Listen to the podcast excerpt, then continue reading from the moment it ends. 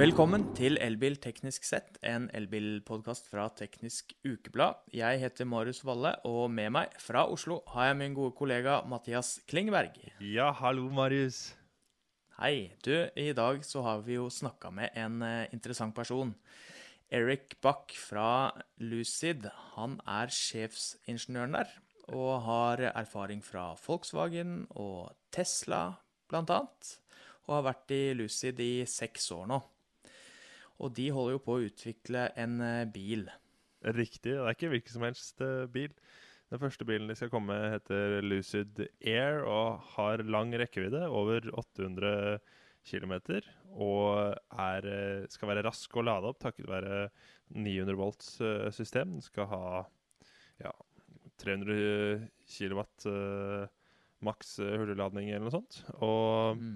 Og de har også utviklet uh, ganske mye av teknologien i bilen selv, bl.a. motoren. Den skal jo være, bilen skal være mer energieffektiv enn uh, Tesla, eller nærmeste konkurrent, som uh, de sier. da. Vi regner med at det er Tesla. Ja. Og da har vi jo benytta anledningen til å dykke litt ned i detaljene. Spørre litt om hvorfor de har tatt de valgene de har gjort, og ja, litt sånne ting. Vi fikk jo snakka med Eric fra hovedkontoret deres i eh, California nå nylig. Eh, så vi hopper rett og slett bare inn i intervjuet, tenker jeg. Det gjør vi. Uh, so, uh, Eric, uh, you have uh, a background from from different uh, car manufacturers like Volkswagen and Tesla, right? Yeah, that is true. Yeah, I've been uh, I've been with Lucid now for six years actually already. Uh-huh. Uh, time flies by when you work on something that excites you.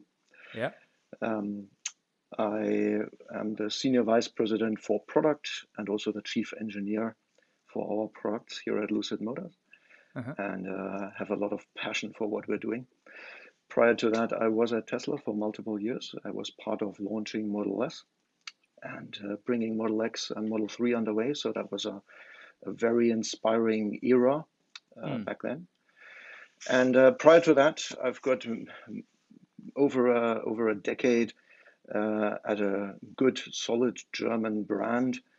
Um, awesome vehicles, great heritage, super colleagues back there. So uh, I've, I've seen the different sides, the different worlds, and, and I'm, we're trying here to essentially adopt the best out of all the worlds. Ah. So, what did you bring with you from Volkswagen and uh, Tesla?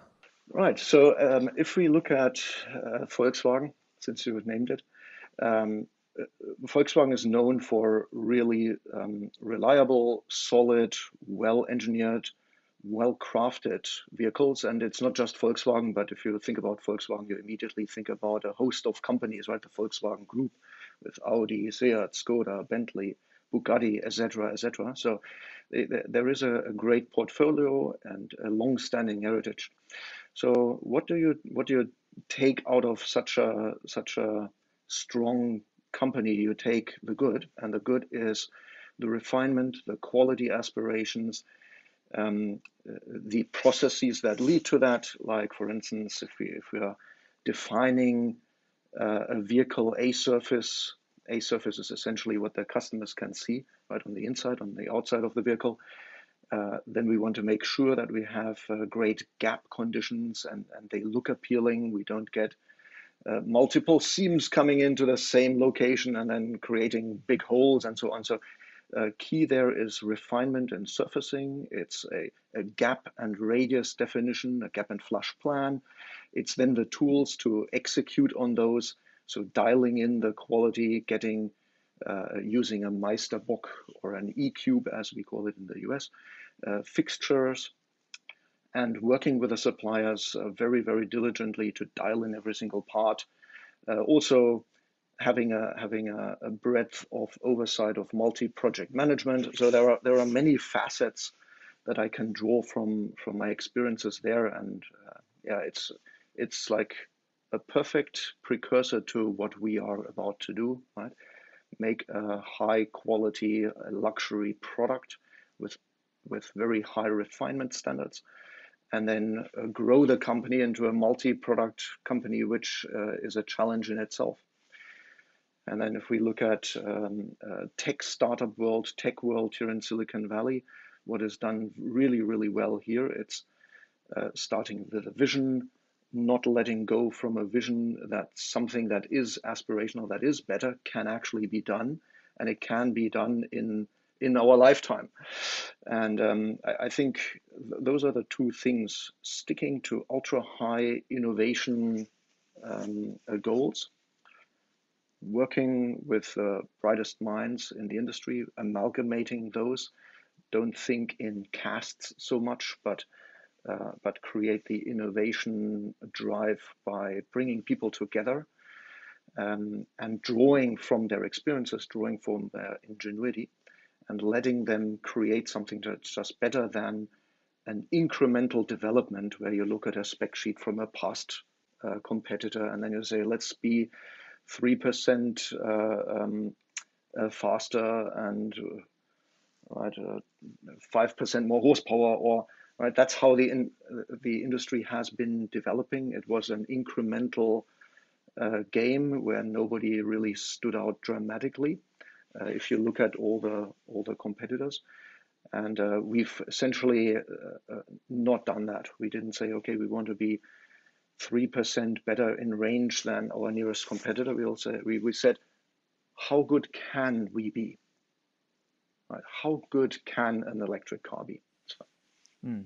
So are you saying that uh, you're not really comparing yourself to Tesla in a way? That you're only focused on on your products?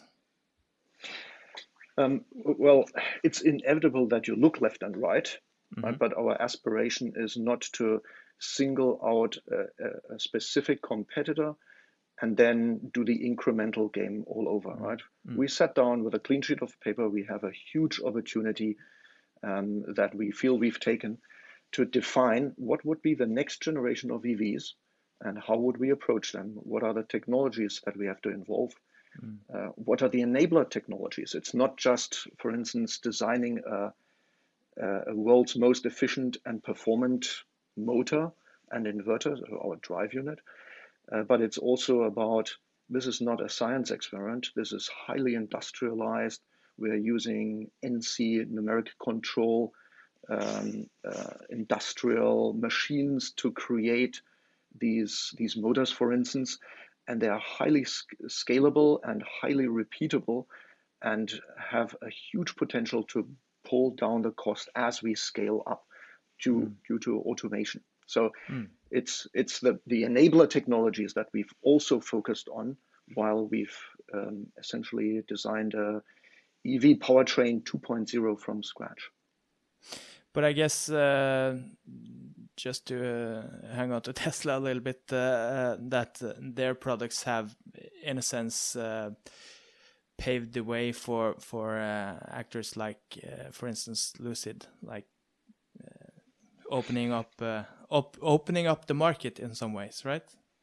Absolutely, that's uh, that's undeniable, right? If if I were to think back uh, uh, ten years ago or longer, when um, in the in the incumbent OEM world there was no no belief that there was going to be a transition to EVs because the market was really small, 50 to 100,000 vehicles uh, globally in mm. the in all the segments.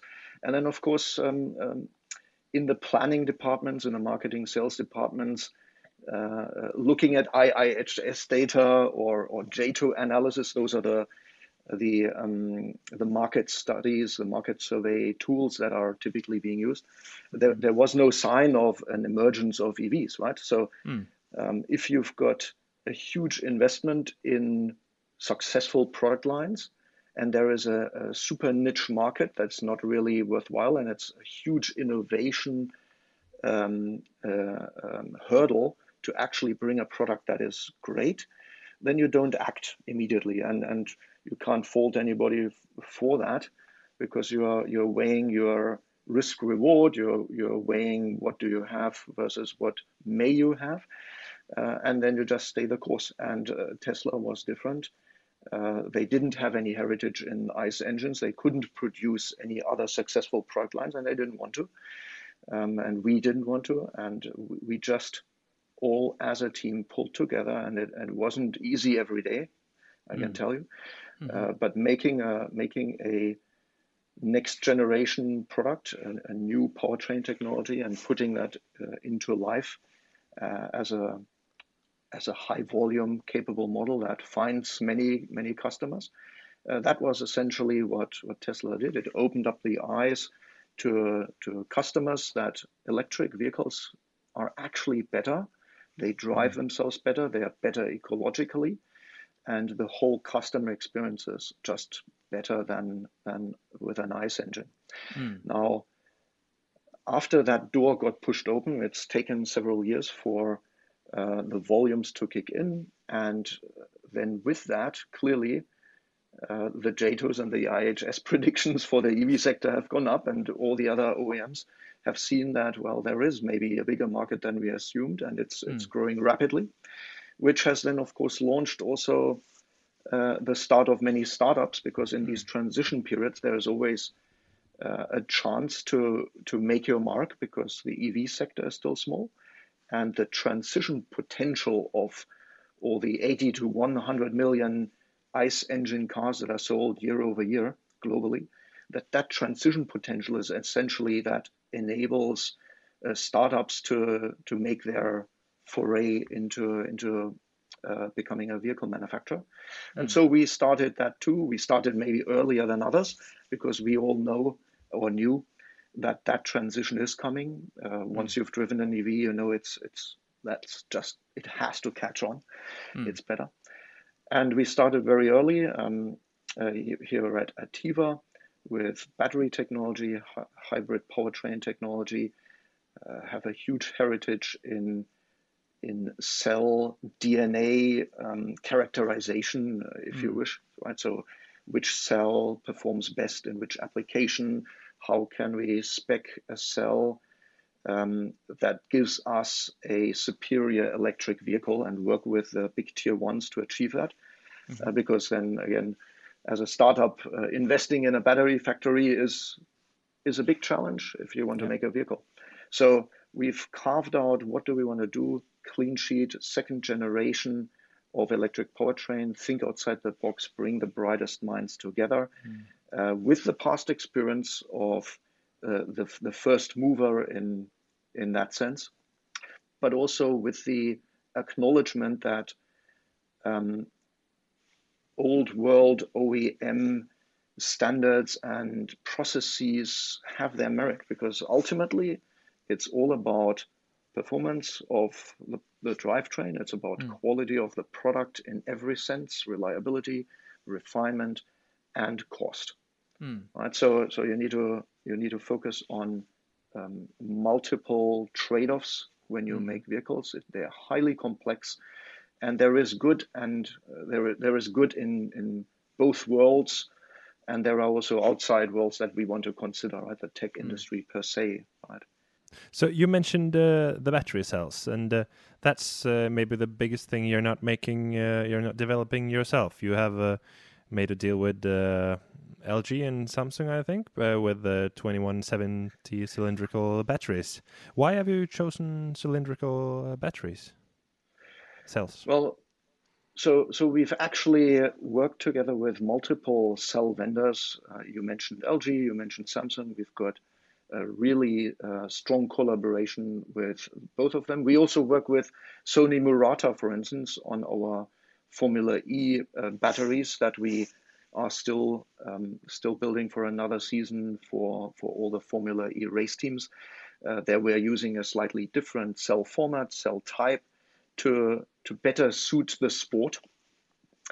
And uh, and um, we've developed essentially inherently safe, inherently fast charge robust, uh, so long life capable, high energy cells with both uh, the tier ones and spec them. And really, we've gone even into the mechanical design of the cells with with the tier ones to create something that suits our needs best. Uh, but we we haven't uh, invested in a cell plant per se. I mean, we are we are too early in our in our history that we are starting to write uh, to take on everything, and we're focusing on what's what's the first uh, first milestone, and that's bring an awesome product that the world really appreciates and likes, and that shows the technical uh, prowess that we that we have here in terms of powertrain and other areas. And then we are going to build out our capabilities um, suiting our needs and our trajectory. So uh, cell production is it's in your future at some point. With the amount of cells that will be needed for uh, for high volume EV manufacturing, as you can read um, every month, um, every OEM is thinking about investing in cell manufacturing. Now, mm. in which form that is going to happen, I, I don't want to speculate mm. today. Uh, we are we are open-minded to what's the what's the smartest solution. Uh, there, there's a huge drive towards making more um, more storage devices. Uh, there, there is startups, there is incumbent tier ones, and then there is, of course, the uh, EV manufacturer investments. And we're open to to looking at each of these and trading off uh, to find our our best fit. So let's talk uh, a little bit about the the drivetrain uh, then. Um, so you're uh, uh, you're using a 900 volt uh, architecture. Um, yeah. Your nearest compet competitor is using 400 volts. could you give us a sense of what the the main um, benefit of uh, going for higher voltage is? Yeah, there are there are different schools of thought, uh, as we can see in the products out there. Um, we we have designed a ultra high voltage system, powertrain system. Uh, we actually go in our long range battery up to 924 volt. Um, that's pretty damn close to the limit of what the latest generation of CCS standard chargers can deliver in terms of, uh, of voltage. And that's one of the drivers, uh, since I mentioned it, to go to a high voltage. It's essentially being able to uh, deliver power in the charging session to the car. Uh, you know that, that power equals the volts times the amps, right? And uh, if you've got higher volts, you, you only need lower amps to charge with a specific power and that that is one of the key drivers to essentially keep the uh, the amps low because um, uh, pushing amperes through copper heats up the copper, and every form of heat equals loss. And if you can double the voltage, um, you reduce, uh, you halve the amount of amperes, and the power losses that you would generate by doubling the amperage quadruples the losses, right? Because uh, power losses equals I squared R, I squared, so, so uh, amps squared times the resistance of whichever medium you are pushing them through. So that is that is a huge benefit. We reduce the losses while charging. We reduce the amount of copper that has to be used inside the vehicle to transport the electrons from the battery to the to the drive units um, at specific amperages, or we could just push more amps. Right? We've we've chosen both push more amps and reduce the copper. Uh, reducing copper reduces cost, reduces mass. Copper is quite a dense material; it's more dense than steel. Um, and that's why you don't want to put a lot of copper into the car, and it also costs money. So, uh, reducing the amount of copper for mass, cost, uh, reasons, reducing the amperage in the in the high power uh, um, uh, application reduces losses, the I squared R losses uh, specifically, and it opens up um, more potential. So if you were to use a 400 volt uh, architecture, that would limit uh, your ability to make the product you want to make, essentially. Yeah, uh, essentially that would do it. If, uh, if you if you look at um, uh, products that are out there or will be out there, and their charging capabilities, so that the speed of charge, right? How many miles can I charge my car, car charge into my car per minute or per, per hour? Mm. Right? That is a speed of charge, right? Miles mm. per minute, let's say. Mm-hmm. And and that number depends on essentially uh, two inputs.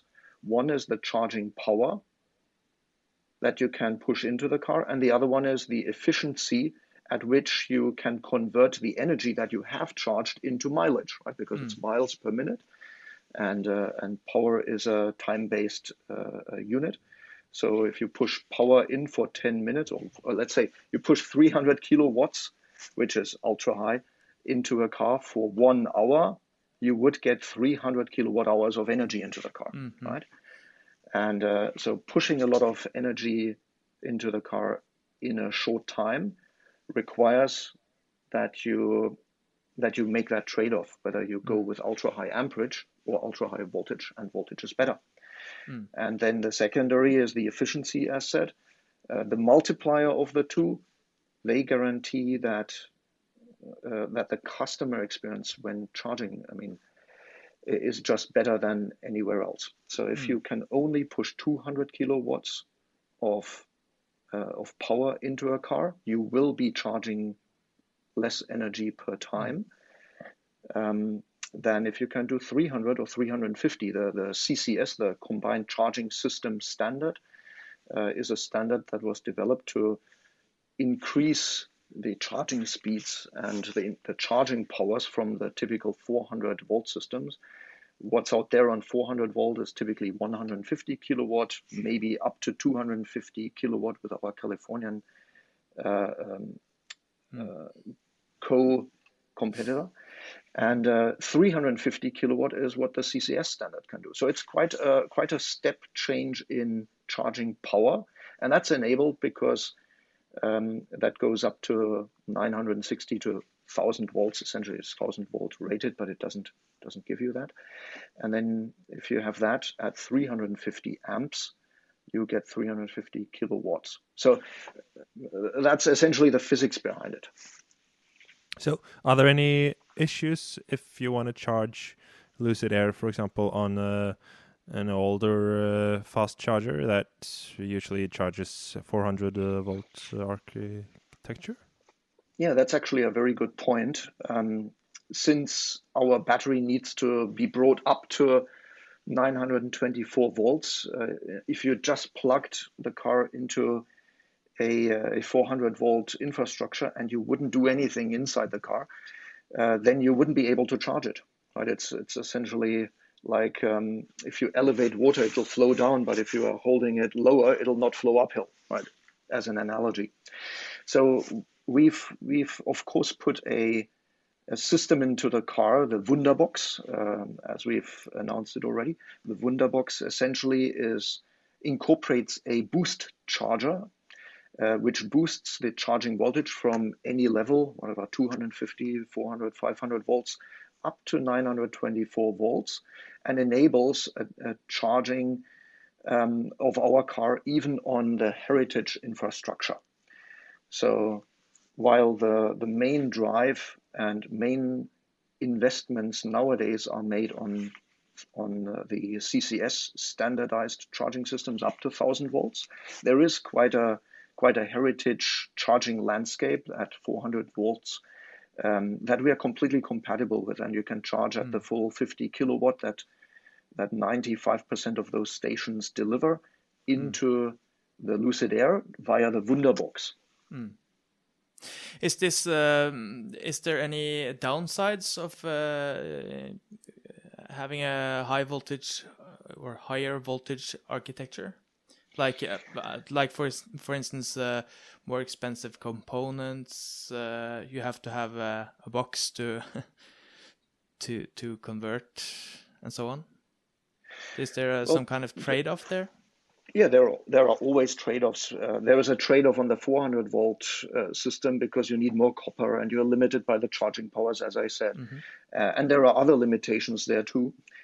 Um, we believe that the 900 volt or the 800 volt uh, um, voltage level is going to make faster improvements in terms of um, component technologies.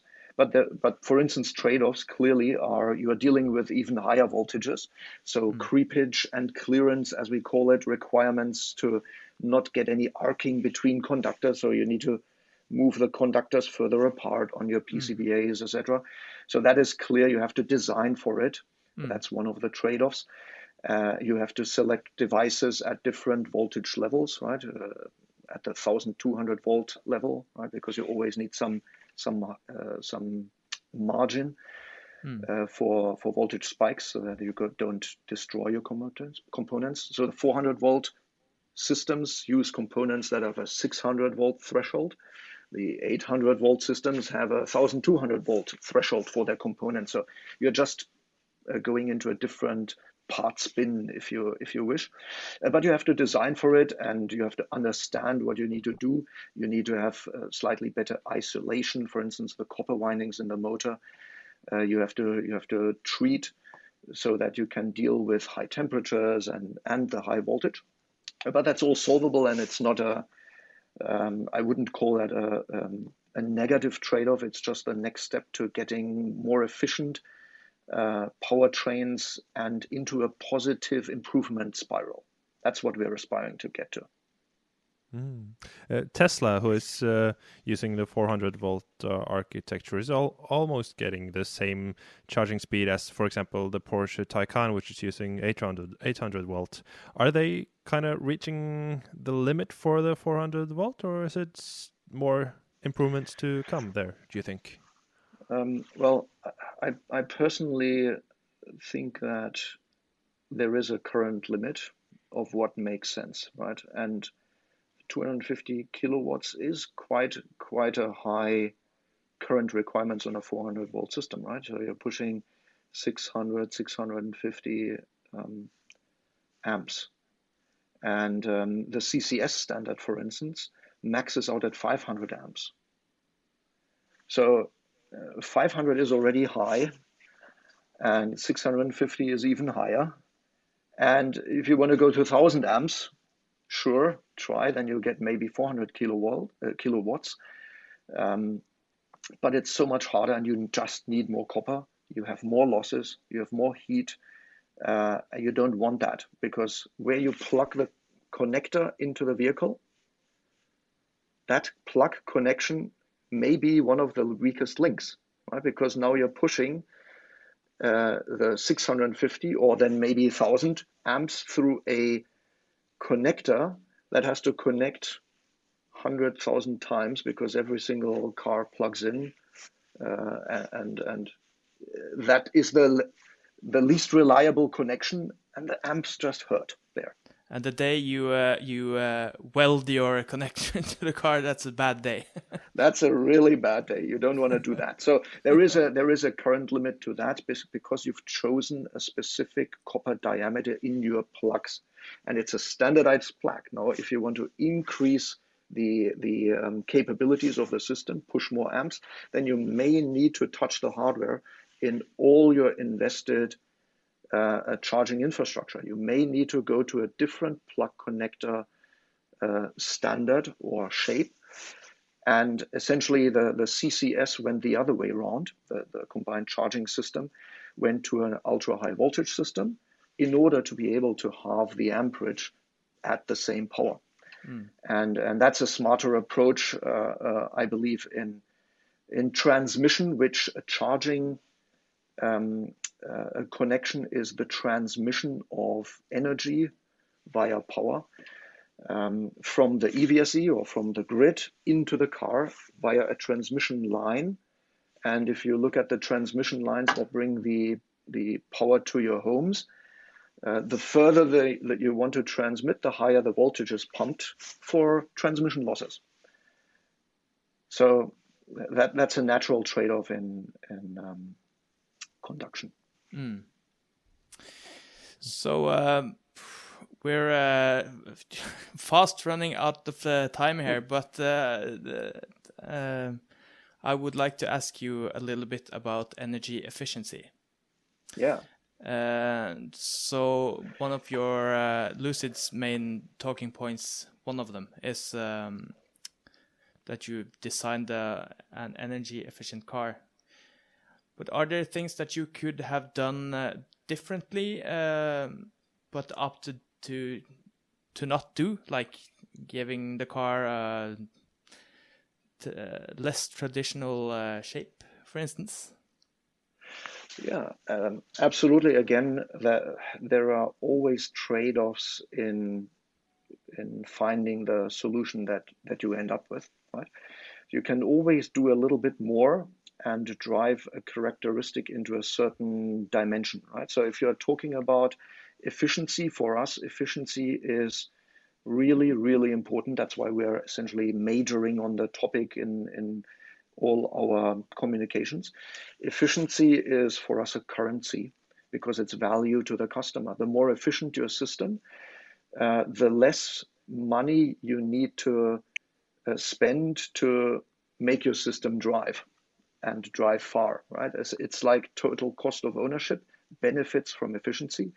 It's if you've got a gas guzzler, uh, you only get 300 miles out of a full gas tank. If that car has a a more efficient drivetrain, you get 600 miles out of that same gas tank, which means you've paid half as much money for the gas to go the, the, the, the, distance you wanted to. And it's exactly the same with EVs, right? If you have a 100 kilowatt hour battery and you can do 300 miles, uh, or you manage to tease out 450 miles out of 100 kilowatt hours, then you've done you've you you've been 50% more efficient with the with the energy that you've put in. Mm. And so efficiency is not only really important for the customer's purse. Uh, arguably, for a luxury EV customer, it's not necessarily a, a deciding factor to to save ten dollars or twenty dollars on a charge because money may not be so important there. But mm-hmm. if you think about that energy that you need per mile and you need less of that, that means less energy in total needs to be produced, right? So if you can go twice as far with 100 kilowatt hours, or just as, a, as an example, uh, and you don't want to go all the way, you only want to go half the way, uh, one car needs to fill the, the, the battery up completely. The other car only needs to fill it up half. And that means the power plants that are filling the car that only needs half only need to produce half the energy, which means you only produce half the CO2, which means you have to burn less fossil fuels, you have to uh, uh, dredge less oil sands or, or mm. pump less oil. Uh, whatever it is, whatever the means of energy generation is, you need less. Mm. And if we think about the environmental impact of that, and we scale that to 100 million vehicles, if 100 million vehicles are 3% more efficient, that's an insane amount of CO2 that we could save globally. So that's why energy is so paramount for us because it has the potential to move the needle on our climate challenge. And we achieve that, of course, by looking at every single field. Now, now we are going into your original question. Um, so, so how do you achieve efficiency? It's it's efficient design. That's the aero efficiency, right? Mm. So we have achieved a world-class aero efficiency, and we now see that others are are aspiring to do the same, right? Aero efficiency is um, at speeds higher than 30 miles an hour is a real factor. You lose a lot of efficiency just by a non-aero efficient design. Uh, the second one is all the rolling resistances, all the all the losses by rotating systems, inertia of of rotating systems, etc. And and we've minimized that uh, to a certain extent or to a, to a big extent. Um, and then there's the powertrain itself right? Uh, if we compare powertrains out in the market, we believe we've got the most efficient powertrain that is 17% more efficient than that of our nearest competitor. And that's a huge climate impact. So if we if we look at all of the areas where you can reduce the consumption for the miles uh, that the customer is driving. Uh, we've we've touched all of them. What could we have done better? Uh, we could have put the Lucid Air onto bicycle skinny tires, for instance, right? Mm-hmm. Mm-hmm. Uh, that would have been a knob we could have turned. We could have just skinny down the tires more. If you look at some of the uh, some of the competitors, if I think of an i3 right now, uh, yeah. they've they've got skinnier tires, but that means that tires. yeah. right bicycle tires, and, and that's good because you are re- you're reducing the rolling resistance, which means you're increasing the efficiency, and that's that's a good dimension. Although it looks a little bit like a bicycle. Uh, the downside of that for a, a, vehicle that has 1080 horsepower, like the, the Lucid Air performance version, is you'll not do so well around the corners in Laguna Seca or wherever you want to have fun, right? So that's the trade off there. We can't mm. go to a bicycle tire on that performance of a vehicle. Mm. Uh, so that's maybe one of the trade offs we made. So, my last uh, question is uh, how confident are you that you will be able to scale up the production. We have seen numerous examples of uh, companies that has uh, very, very so big problems with uh, scaling up. Yeah, of course. Um, making uh, the most complex high volume product in the world is a monumental task, right? Um, so every automaker has uh, has a huge lift to make with every single model that launches, right? Because you've got thousands of parts that have to be in specification, that have to be at the right location at the right time. So it's a logistics challenge, it's a quality challenge, and then it's a procedural challenge, a process challenge to then put all these parts together uh, uh, as you intended to, and making sure they don't fall apart and your adhesive sticks and and you fulfill all your homologation requirements for crash and, and everything that needs to be certified. So it's a it's a huge lift, especially if you're a new company. So there's there's a clearly a very high um, focus on that in our company. The way to approach such a monumental task and and deal with it is we've hired industry experts that have done it multiple times. We are we haven't overemphasized, for instance, a a, um, a, a, tech industry, short-term lived consumer product stuff. Uh, we, we have balanced that out, right? We need that innovation, but we also very much appreciate absolute solid uh, automotive manufacturing skills. Uh, we've showed, we've shared a couple of videos of the of the people we've employed, their backgrounds, right? Their they're long-standing experts in the automotive field, in the manufacturing world. Uh, we've hired a world-class team that has done it multiple times. Every single one of the manufacturing leadership has launched many vehicles, and uh, we've introduced processes. As I said in the beginning, right, we've looked at what is good and what is working really well for creating luxury vehicles and great functioning product uh, and what is the innovation side, right? So we've balanced those two out uh, to have the highest chance of success in making a world-class product, and we are really well on track. Uh, our quality aspiration is is extremely high. Um, we want to deliver something that people really want and are proud to proud uh, proud of having. And I guess there's uh, a few uh, Norwegian uh, customers that's uh, waiting for your car next year, right? Is it still on for next year? Uh, I think that is still on for next year. Yes, we haven't we haven't um, planned out uh, by market. I mean, Europe has has multiple markets, and as a new uh, startup, we have to develop our sales and service machinery, the mm. network also.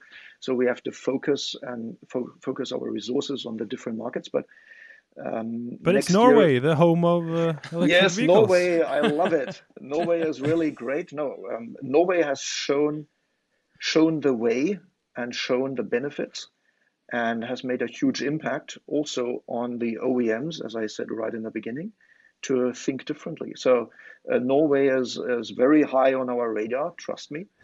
Um, I've been there. I've driven on your beautiful roads. It's it's awesome, and the the benefit of an EV there is you don't pollute your beautiful landscape with noise. That's really important to me. I, I hate the, the motor noise. Um, sorry, Hemi, Hemi drivers also, but uh, uh, an EV just fits perfectly, and I'm pretty sure the the Norwegian customers will love the, the Lucid Air for its um, for its luxury drive, ride and handling, the range because you've got really really long ranges there. Mm. Uh, if you drive up to North Cape or to uh, to Trondheim or whatever from Oslo, mm. uh, it's beautiful, but you need range, and I think we are we are doing really well there. So I think that's a good uh, note to end on. Then. Great. Well. We could uh, we could have uh, had you here uh, all morning, but uh, we'll uh, say thank you uh, very much for for talking to us. Mm, thank you so much. It's it was very interesting. Thank you. Great. Thanks for having me. Um, and um, yeah, shout out to Norway for being one of the leading transition nations for a more sustainable future. I really appreciate that. Det var eh, Eric Bach. Eh, og litt norgesskryt på slutten der. Det er jo alltid hyggelig. Det er deilig. Da skal det jo bli spennende å se om de faktisk klarer å komme med bilen når de har sagt. Og eh, ikke minst om folk er interessert i å kjøpe den. Hva tror du, Mathias? Ja, det høres ut som en veldig spennende bil, men som du sier, så er jo dette produksjonshelvetet de skal igjennom, da. Så det, vi får jo se hvordan det går. Mm. Da gjenstår det bare for oss å takke for i dag, og at du så på eller hørte på. Eller begge deler. Så ses vi igjen neste uke. Det gjør vi. Ha det bra.